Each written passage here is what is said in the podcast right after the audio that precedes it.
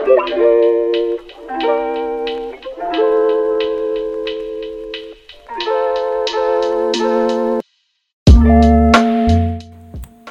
Insomnia, kembali lagi di podcast Surya Insomnia. Pada podcast sebelumnya, kita sudah membahas mengenai manajemen media televisi. Nah, pada podcast kali ini, aku bakal ngejelasin ke kalian tentang bentuk lembaga penyiaran di Indonesia dan jenis format acara televisinya. Oh iya, by the way, podcast ini aku buat untuk memenuhi tugas ujian akhir semester. Ya udah, tanpa berlama-lama lagi, mari kita menuju ke pembahasannya. Lembaga penyiaran Lembaga penyiaran yang biasa ditemui di radio atau siaran TV memiliki berbagai macam jenis. Jenis lembaga penyiaran tentunya perlu diketahui agar kalian dapat membedakannya. Kementerian Kominfo memberikan penjelasan yang sesuai dengan Undang-Undang Nomor 32 Tahun 2002 tentang penyiaran. 1.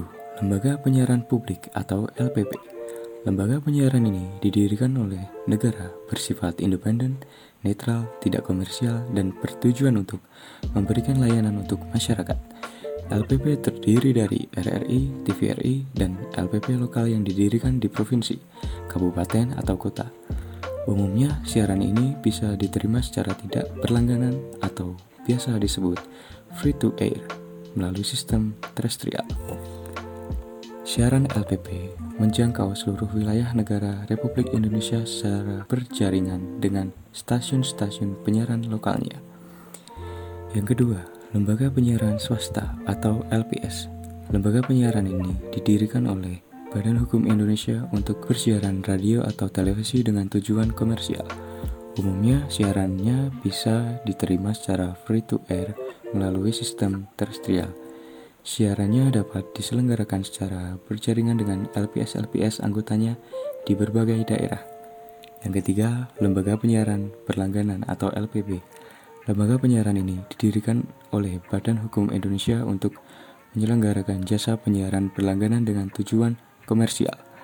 Siarannya menggunakan sistem satelit, kabel atau terestrial dengan menawarkan variasi program siaran yang dapat dipilih oleh pelanggannya.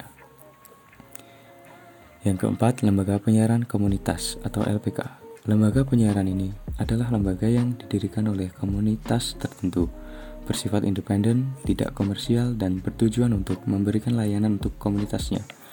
Umumnya siarannya bisa diterima secara free to air melalui sistem terestrial dengan jangkauan wilayah siaran yang terbatas.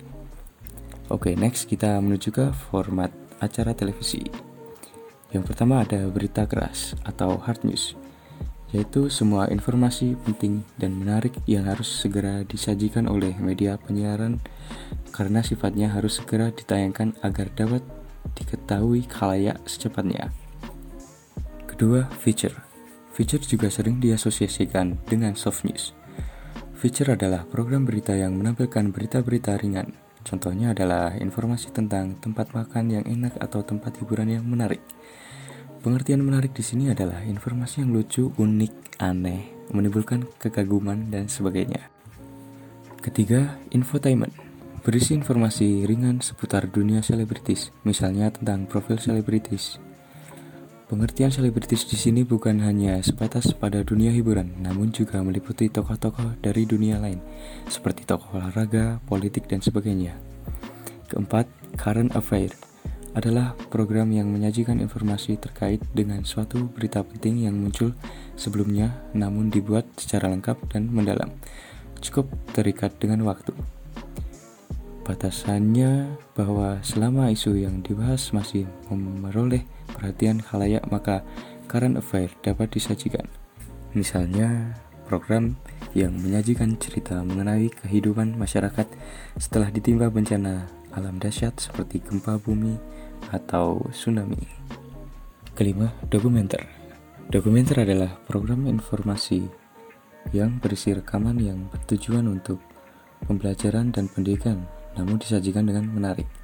Misalnya, menarasikan tentang suatu tempat, kehidupan atau sejarah seorang tokoh, kehidupan atau sejarah suatu masyarakat, atau kehidupan hewan di hutan dan sebagainya.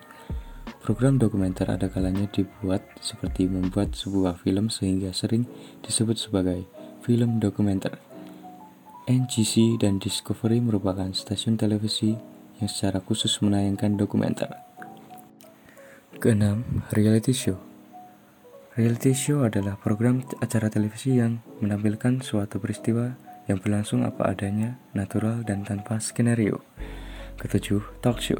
Program talk show atau perbincangan adalah program yang menampilkan satu atau beberapa orang untuk membahas suatu topik tertentu yang dipandu oleh seorang pembawa acara atau host. Mereka yang diundang adalah orang-orang yang berpengalaman langsung dengan peristiwa atau topik yang sedang diperbincangkan. Yang kedelapan ada drama.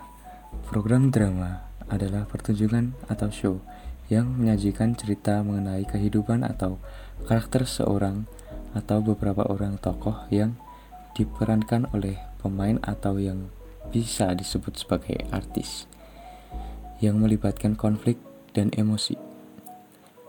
Drama terbagi menjadi dua, yaitu sinetron dan film. Kesembilan, sinetron. Sinetron merupakan drama yang menyajikan cerita dari berbagai tokoh secara bersamaan. Masing-masing tokoh memiliki alur cerita mereka sendiri-sendiri, tanpa harus dirangkum menjadi suatu kesimpulan.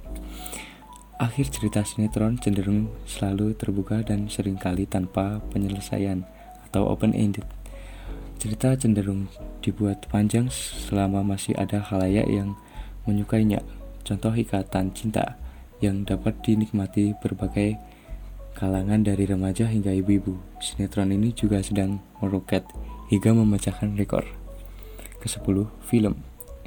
Di sini adalah film layar lebar yang dibuat oleh perusahaan-perusahaan film karena tujuan pembuatannya adalah untuk layar lebar atau teater. Maka biasanya film baru bisa ditayangkan di televisi setelah terlebih dahulu dipertunjukkan di bioskop. Ke-11, game show. Suatu bentuk program acara yang melibatkan sejumlah orang baik secara individu ataupun kelompok yang saling bersaing untuk mendapatkan sesuatu, menjawab pertanyaan, dan memenangkan suatu bentuk permainan. Terdiri dari quiz show, permainan, ketangkasan, dan kadang juga dikemas dengan pendekatan reality show. Kedua belas, musik. Program musik dapat ditampilkan dalam dua format, yaitu video klip atau konser. Program musik ini dapat dilakukan di lapangan atau outdoor, ataupun di dalam studio atau indoor. Program musik di televisi ditentukan dengan kemampuan artis yang menarik halayak, tidak saja dari kualitas suara, tapi juga berdasarkan bagaimana mengemas penampilannya agar menjadi menarik.